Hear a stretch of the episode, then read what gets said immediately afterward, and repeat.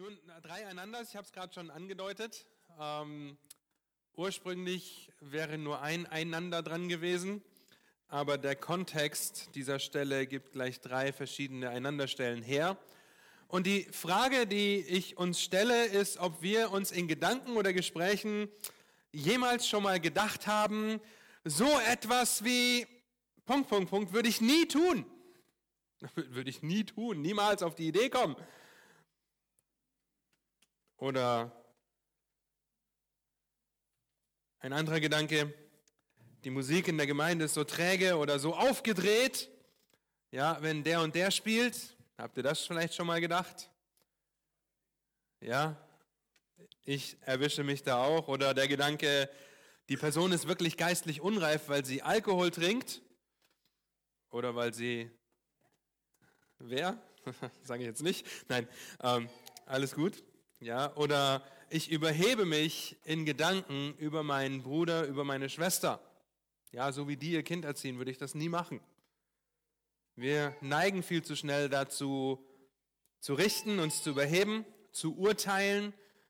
Leider reduzieren wir unsere Meinung ziemlich oft auch auf externe Ansichten, was wir von einer geistlich reifen Person erwarten, was wir von ihr halten, was, wie wir eine geistlich reife Person definieren würden, auf externe Faktoren, ohne den eventuellen Kampf gegen die Sünde oder das Ertragen von Konsequenzen vergangener Sünden zutage zu führen, werden wir aber nicht wirklich anhand externer Faktoren bestimmen können, ob jemand geistlich reif ist oder nicht. Wir richten, wir zerstören, wir lehnen ab und in derselben Herausforderung sind die Römer gewesen oder Paulus, wenn er den Römern schreibt und darüber nachdenkt, wie sie einander nicht richten sollen, wie sie einander erbauen sollen und wie sie einander annehmen sollen. Also das Gegenteil von richten, von zerstören und von ablehnen. Letzte Woche haben wir über die Herzlichkeit gesprochen. Wir gehen heute zwei Kapitel zurück in die Kapitel 14 und 15. Vor drei Wochen waren wir auch schon im Römerbrief, haben uns die Frage gestellt, wie wir über unsere Geschwister denken. Wir werden uns auch in Zukunft nochmal in den Römerbrief bewegen. Daniel wird über Römer 15, Vers 14 äh, zum Teil reden mit einer anderen Stelle zusammen, das in der Zukunft. Aber heute wollen wir lesen, wie Paulus sich der Geschwister annimmt, sie ermahnt, sie anspornt, einander nicht zu richten, sondern einander zu erbauen und einander anzunehmen. Wir werden Gottes Wort lesen, Römer 14, Vers 1 bis 15, Vers 13, um einfach darüber nachzudenken und den Kontext zu haben, wie Paulus an die Sache rangeht, wenn wir einfach nur jetzt diese drei Einanderstellen lesen. Wir müssen das in den Kontext einbetten. Schlagt eure Bibeln bitte auf. Römer 14 ab Vers 1, da heißt es, nehmt den Schwachen im Glauben an, ohne über Gewissensfragen zu streiten. Einer glaubt, alles essen zu dürfen. Der aber schwach ist, der isst Gemüse. Wer isst, verachte den nicht, der nicht isst. Und wer nicht isst, richte den nicht, der isst. Denn Gott hat ihn angenommen. Wer bist du, dass du den Hausknecht eines anderen richtest? Er steht oder fällt, er steht oder fällt seinem eigenen Herrn. Er wird aber aufrecht gehalten werden, denn Gott vermag ihn aufrecht zu halten. Dieser hält einen Tag höher als den anderen, jener hält alle Tage gleich. Jeder sei seiner Meinung gewiss. Wer auf den Tag achtet, der achtet darauf für den Herrn. Und wer nicht auf den Tag achtet, der achtet nicht darauf für den Herrn. Wer isst, der isst für den Herrn, denn er dankt Gott. Und wer nicht isst, der enthält sich der Speise für den Herrn und dankt Gott auch. Denn keiner von uns lebt sich selbst und keiner stirbt sich selbst. Denn leben wir, so leben wir dem Herrn. Und sterben wir, so sterben wir dem Herrn. Ob wir nun leben oder sterben, wir gehören dem Herrn. Denn dazu ist Christus auch gestorben und auferstanden und wieder lebendig geworden, dass er sowohl über Tote als auch über Lebende Herr sei. Du aber, was richtest du deinen Bruder oder du, was verachtest du deinen Bruder? Wir werden ja alle vor dem Richterstuhl des Christus erscheinen. Denn es steht geschrieben, so wahr ich lebe, spricht der Herr, mir soll sich jedes Knie beugen und jede Zunge wird Gott bekennen. So wird also jeder von uns für sich selbst Gott Rechenschaft geben. Darum lasst uns nicht mehr einander richten, sondern das richtet vielmehr, dass dem Bruder weder ein Anstoß noch ein Ärgernis in den Weg gestellt wird. Ich weiß und bin überzeugt in dem Herrn Jesus, dass nichts an und für sich unrein ist, sondern es ist nur für den unrein, der etwas für unrein hält. Wenn aber dein Bruder um einer Speise willen betrübt wird, so wandelst du nicht mehr gemäß der Liebe. Verdirb mit deiner Speise nicht denjenigen, für den Christus gestorben ist. So soll nun euer Bestes nicht verlästert werden. Denn das Reich Gottes ist nicht Essen und Trinken, sondern Gerechtigkeit, Friede und Freude im Heiligen Geist. Wer darin Christus dient, der ist Gott wohlgefällig und auch von den Menschen geschätzt. Darum lasst uns nun nach dem streben, was zum Frieden und zur gegenseitigen Erbauung dient. Zerstöre nicht wegen einer Speise das Werk Gottes. Es ist zwar alles rein, aber es ist demjenigen schädlich, der es mit Anstoß isst. Es ist gut, wenn du kein Fleisch isst und keinen Wein trinkst, noch sonst etwas tust, woran dein Bruder Anstoß oder Ärgernis nehmen oder schwach werden könnte. Du hast Glauben? Habe ihn für dich selbst vor Gott. Glückselig, wer sich selbst nicht verurteilt in dem, was er gut heißt. Wer aber zweifelt, der ist verurteilt, wenn er doch ist, weil, er nicht, weil, er, weil es nicht aus Glauben geschieht. Alles aber, was nicht aus Glauben geschieht, ist Sünde. 15 Vers 1. Wir aber, die Starken, haben die Pflicht, die Gebrechen der Schwachen zu tragen und nicht Gefallen an uns selbst zu haben. Denn jeder von uns soll seinem Nächsten gefallen, zum Guten, zur Erbauung. Denn auch Christus hatte nicht an sich selbst gefallen, sondern wie geschrieben steht, die Schmähungen derer, die dich schmähen, sind auf mich gefallen. Denn alles, was zuvor geschrieben worden ist, wurde zu unserer Belehrung zuvor geschrieben, damit wir durch das Ausharren und den Trost der Schriften Hoffnung fassen. Der Gott des Ausharrens und des Trostes aber gebe euch, untereinander eines Sinnes zu sein, Christus Jesus gemäß, damit ihr einmütig mit einem Mund den Gott und Vater unseres Herrn Jesus Christus lobt. Darum nehmt einander an gleich wie auch Christus uns angenommen hat zur Ehre Gottes. Ich sage aber, dass Jesus Christus ein Diener der Beschneidung, der Beschneidung geworden ist, um der, um, die Wahrhaft, um der Wahrhaftigkeit Gottes willen, um die Verheißung an die Väter zu bestätigen. Dass aber die Heiden Gott loben sollen, um der Barmherzigkeit willen, wie geschrieben steht, darum will ich dich preisen unter den Heiden und deinem Namen Lob singen. Und wiederum heißt es, freut euch, ihr Heiden, mit seinem Volk. Und wiederum lobt den Herrn alle Heiden und preist ihn alle Völker. Und wiederum spricht Jesaja, es wird kommen, die Wurzel Isais und der, welcher aufsteht, um über die Heiden zu herrschen. Auf ihn werden die Heiden hoffen. Der Gott der Hoffnung aber erfülle euch mit aller Freude und mit Frieden im Glauben, dass ihr überströmt in der Hoffnung durch die Kraft des Heiligen Geistes. Bis hierher. Das ist ein relativ langer Abschnitt, der uns aufzeigt, dass wir unser Gewissen gebrauchen sollen. Ja, hier sehen wir, wie der eine einen Einstoß nimmt, wenn er das oder das isst. Ja, ob das Fleisch ist oder etwas anderes. Also hier sehen wir, dass das Gewissen mit ausschlaggebend dafür ist, was wir auch als Sünde wahrnehmen. Ja, wenn ich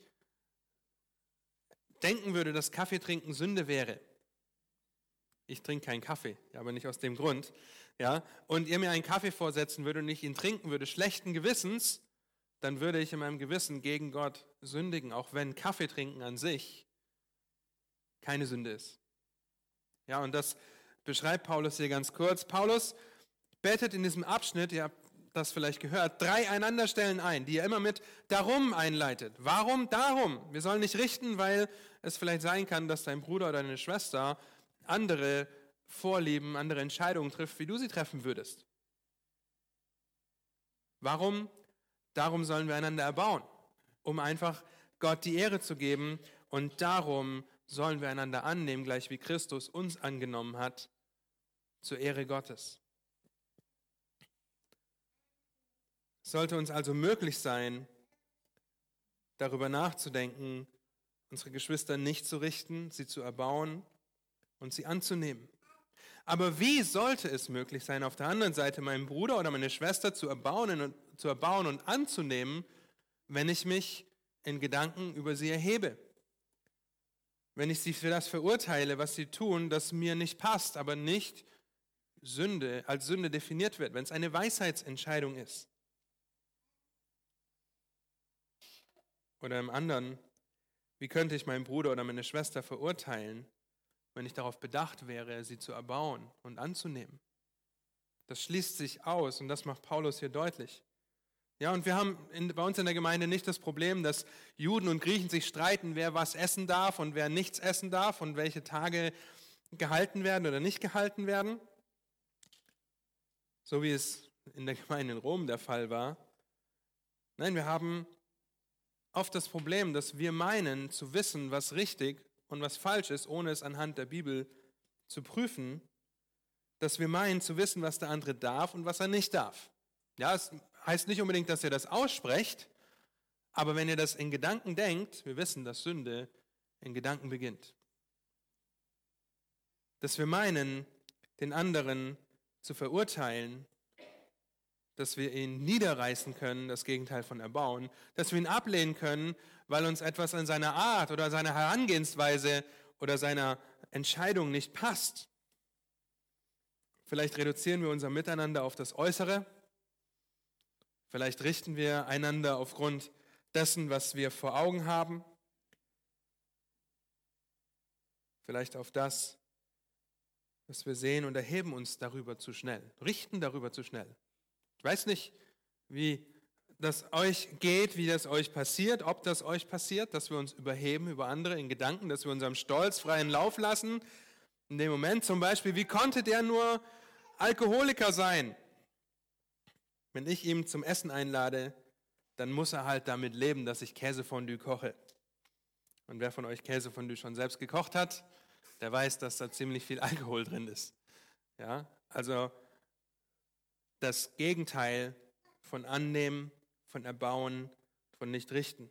Zu sagen, er ist selber schuld, dass er ein Problem damit hat oder hatte, ist nicht gerade erbauend und annehmend, sondern ist sehr überheblich, sehr verurteilend, sehr richtend.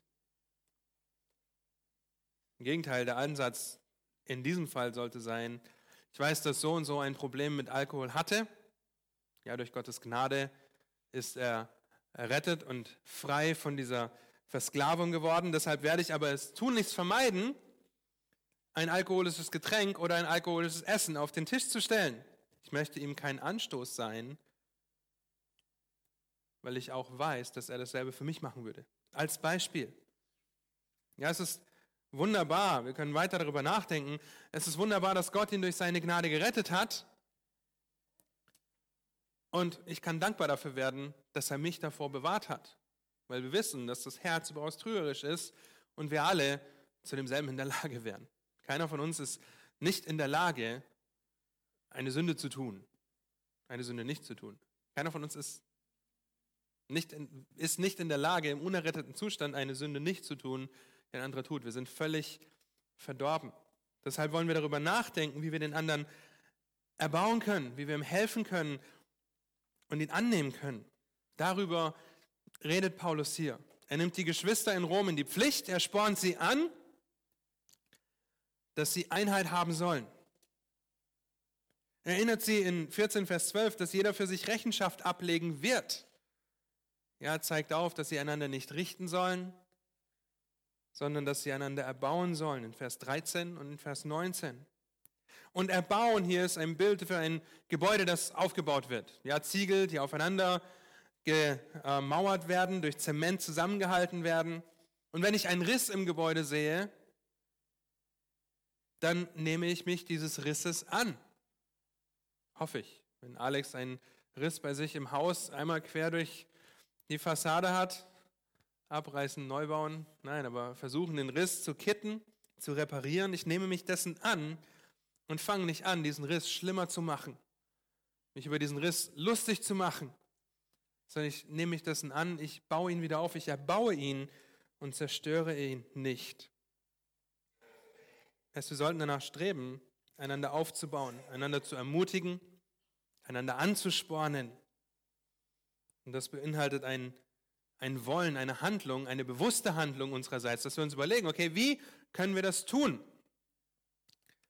Wie nehmen wir uns unserer Geschwister an? Vor allem die starken Geschwister haben die Pflicht, wie es in 15 Vers 1 hat, heißt, die Gebrechen der Schwachen mitzutragen. Und Daniel hat darüber gesprochen vor zwei Wochen, einander die Lasten tragen. Warum sollen wir das tun? Paulus gibt drei Gründe in Kapitel 15, Vers 2, 3 und 4. Die fangen alle mit denn an. Ja, es gibt drei Gründe, warum wir einander erbauen sollen, warum wir uns einander annehmen sollen. Wir sollen den Nächsten erbauen, in 15 Vers 2. Und die Frage ist, tun wir das? Tust du das mit den schwachen Geschwistern der Gemeinde? Mit der alleinerziehenden Mutter, mit dem Langzeitarbeitslosen oder auch denen, die sozial am Rand stehen? Nehmen wir uns derer an? Oder gehen wir lieber auf gleichgesinnte Geschwister zu, mit denen wir leicht ins Gespräch kommen, die nicht so viel Arbeit benötigen? Nehmen wir uns ihnen an und erbauen wir sie. Das Zweite, was wir finden, ist, wir sollen Christus nacheifern. In Philippa 2 heißt, und Dieter hat darüber gepredigt vor einigen Wochen, wir sollen dieselbe Gesinnung haben, die Christus auch hatte. Christus demonstriert seine Liebe und Annahme den Geschwistern gegenüber, indem er auf diese Erde kam, indem er am Kreuz für uns gestorben ist. Und die Frage ist, tun wir das? Eifern wir Christus nach, wenn es darum geht, nicht zu richten, wenn es darum geht, zu erbauen und wenn es darum geht, anzunehmen? Tun wir das auch den Geschwistern gegenüber, die am Rand der Gemeinde stehen, vielleicht sogar am Rand der Gesellschaft stehen und durch Gottes Gnade gerettet sind? Tun wir das? Eifern wir Christus nach? Und drittens sollen wir das tun, denn wir wissen, was geschrieben steht. Wir wissen, was in Gottes Wort geschrieben ist. 15 Vers 4. Wir sollen Gottes Wort beachten. Wenn wir uns beachten, tun wir das. Tun wir das, weil Gott uns die Einheit und das Ausharren geben wird, wie es in dem Text heißt? Nun, aber wie können wir das tun? Wie können wir das tun? Einmal durch unseren Gott, der uns das Ausharren und den Trost ermöglicht und uns gibt, eines Sinnes zu sein. 15 Vers 5 und 6. Und mit welchem Ziel? Damit wir einmütig mit einem Mund den Gott und Vater unseres Herrn Jesus Christus loben.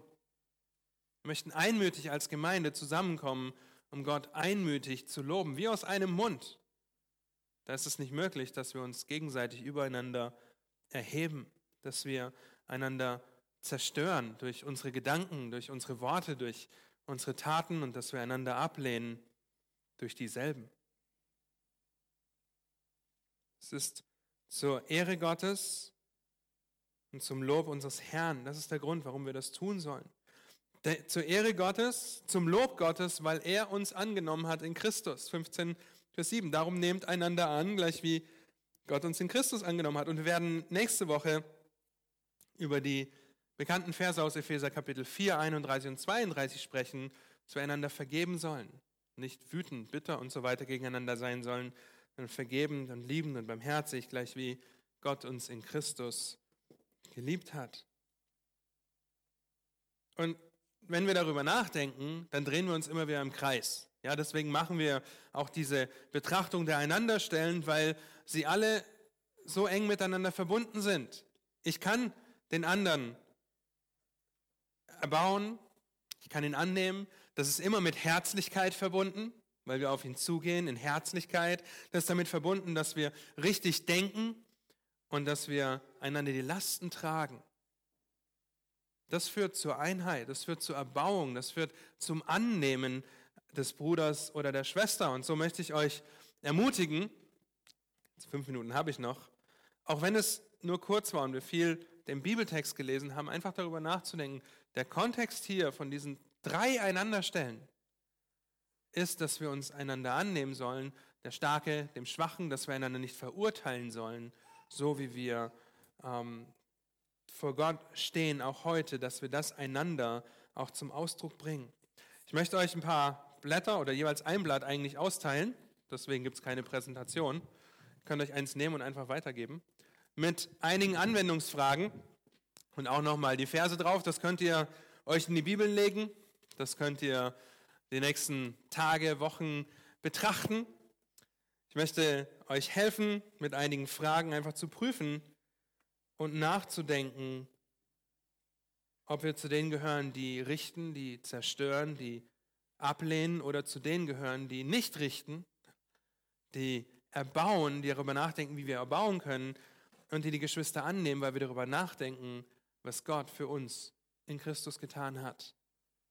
Die Fragen habt ihr aus den, den Zetteln und ich möchte euch bitten, wirklich das zu prüfen, weil die Antworten können für euch tatsächlich auch unterschiedlich sein, unterschiedliche Geschwister betreffend. Und das ist die Herausforderung, weil Paulus davon schreibt, wir sollen einander annehmen. Das heißt nicht, dass du nur den einen oder den anderen Bruder oder Schwester annehmen sollst und den anderen nicht. Deshalb prüfe dich selbst, weil die Antwort auf unterschiedliche Geschwister angewandt unterschiedlich ausfallen kann. Die Fragen, hast du andere in der letzten Woche gerichtet und damit nicht erbaut und nicht angenommen? Wie trifft Matthäus 7, 1 bis 5 auf dich zu? Das ist der, das Brett vorm Kopf, okay? Der Balken im Augen und der Splitter im Auge deines Gegenübers. Mit anderen Worten, wo hast du dich im Stolz über den anderen erhoben? Als nächstes überlege dir drei Wege, wie du durch Gottes Wahrheit einen richtenden, zerstörenden Geist ablegen kannst und stattdessen erbaust und annimmst. Wenn du dich prüfst und feststellst, oh, mit dem Bruder oder der Schwester fällt mir das schwer, mich nicht zu überheben, sie nicht zu richten. Es fällt mir schwer, sie anzunehmen, so wie Gott sie geschaffen hat und ihnen dabei zu helfen, sie zu erbauen, Christus ähnlicher zu werden. Dann überlege dir drei Wege, wie du durch Gottes Wahrheit einen richtenden, zerstörenden Geist ablegen kannst und sie erbauen kannst, sie annehmen kannst, indem dass du anfängst zu handeln. Wer sind die Empfänger deiner Erbauung und deiner Annahme? Liste drei auf. Wieder. Unterschiedliche Geschwister können wir unterschiedlich behandeln, leider. Wer sind die Empfänger deiner Verurteilung und Ablehnung? Ebenfalls Liste drei auf. Und hier dürft ihr entscheiden, ob ihr die auf diesen Zettel schreibt, den ihr in euren Bibeln habt, den ihr sonntags dann vielleicht rausfallen lasst und dann lese ich davon, dass ich bei Alex in dieser Frage stehe. Bei allem. Ja, verurteilt und abgelehnt und ich werde gerichtet von ihm. Ja, nein. Ja, überlegt euch das. Überlegt dir ebenfalls, wie du die Risse im Haus deiner Geschwister, wenn es um das Erbauen geht, wie du sie kitten kannst, wie du sie erbauen kannst, was du ihnen Gutes tun kannst. Was sind die speziellen Bedürfnisse deines Nächsten, die du durch deine Erbauung und Annahme fördern kannst? Auch hier sei spezifisch. Wenn das ist, hey, ich schicke dir einen Vers.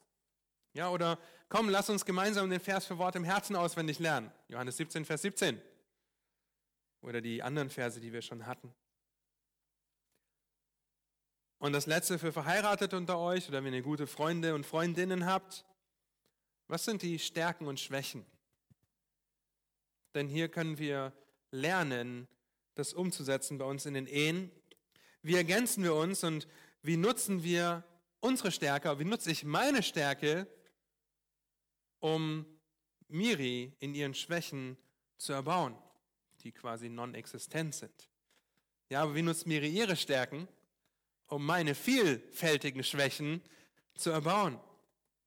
Wie nutzen wir die Stärken, um einander zu fördern, um einander zu erbauen und einander anzunehmen? Noch mehr das zu lernen. Denn oft ist es in den Ehen so, dass wir am schnellsten vielleicht frustriert darüber sind. Ja, dass mein Ehepartner nicht das macht, wie ich mir das vorstelle. Ich überhebe mich darüber, vielleicht kommt mir ein Wort über die Lippen in Anwesenheit Dritter, wo ich eigentlich weiß, okay, in der Ehe, die Herausforderungen, die sollten in der Ehe bleiben, es sei denn, ich brauche wirklich seelsorgerliche Hilfe, dann kommt auf die Ältesten zu. Ja, prüft das. Setzt euch hin als Ehepaare, nächsten Woche, okay, was sind die Stärken, was sind die Schwächen? Wie nehmen wir das an? Wie kann ich Miri dabei helfen, mich in meinen Schwächen zu erbauen? Naja gut, wie kann Miri mir dabei helfen, mich zu erbauen? Und wie kann ich Miri helfen in ihren Schwächen, dass sie erbaut wird? Dass ich mich nicht in Gedanken über sie erhebe und sie richte. Und so möchte ich euch anspornen und ermutigen, dass ihr nicht richtet einander, dass ihr einander vielmehr erbaut und dass ihr einander annehmt zum Lob.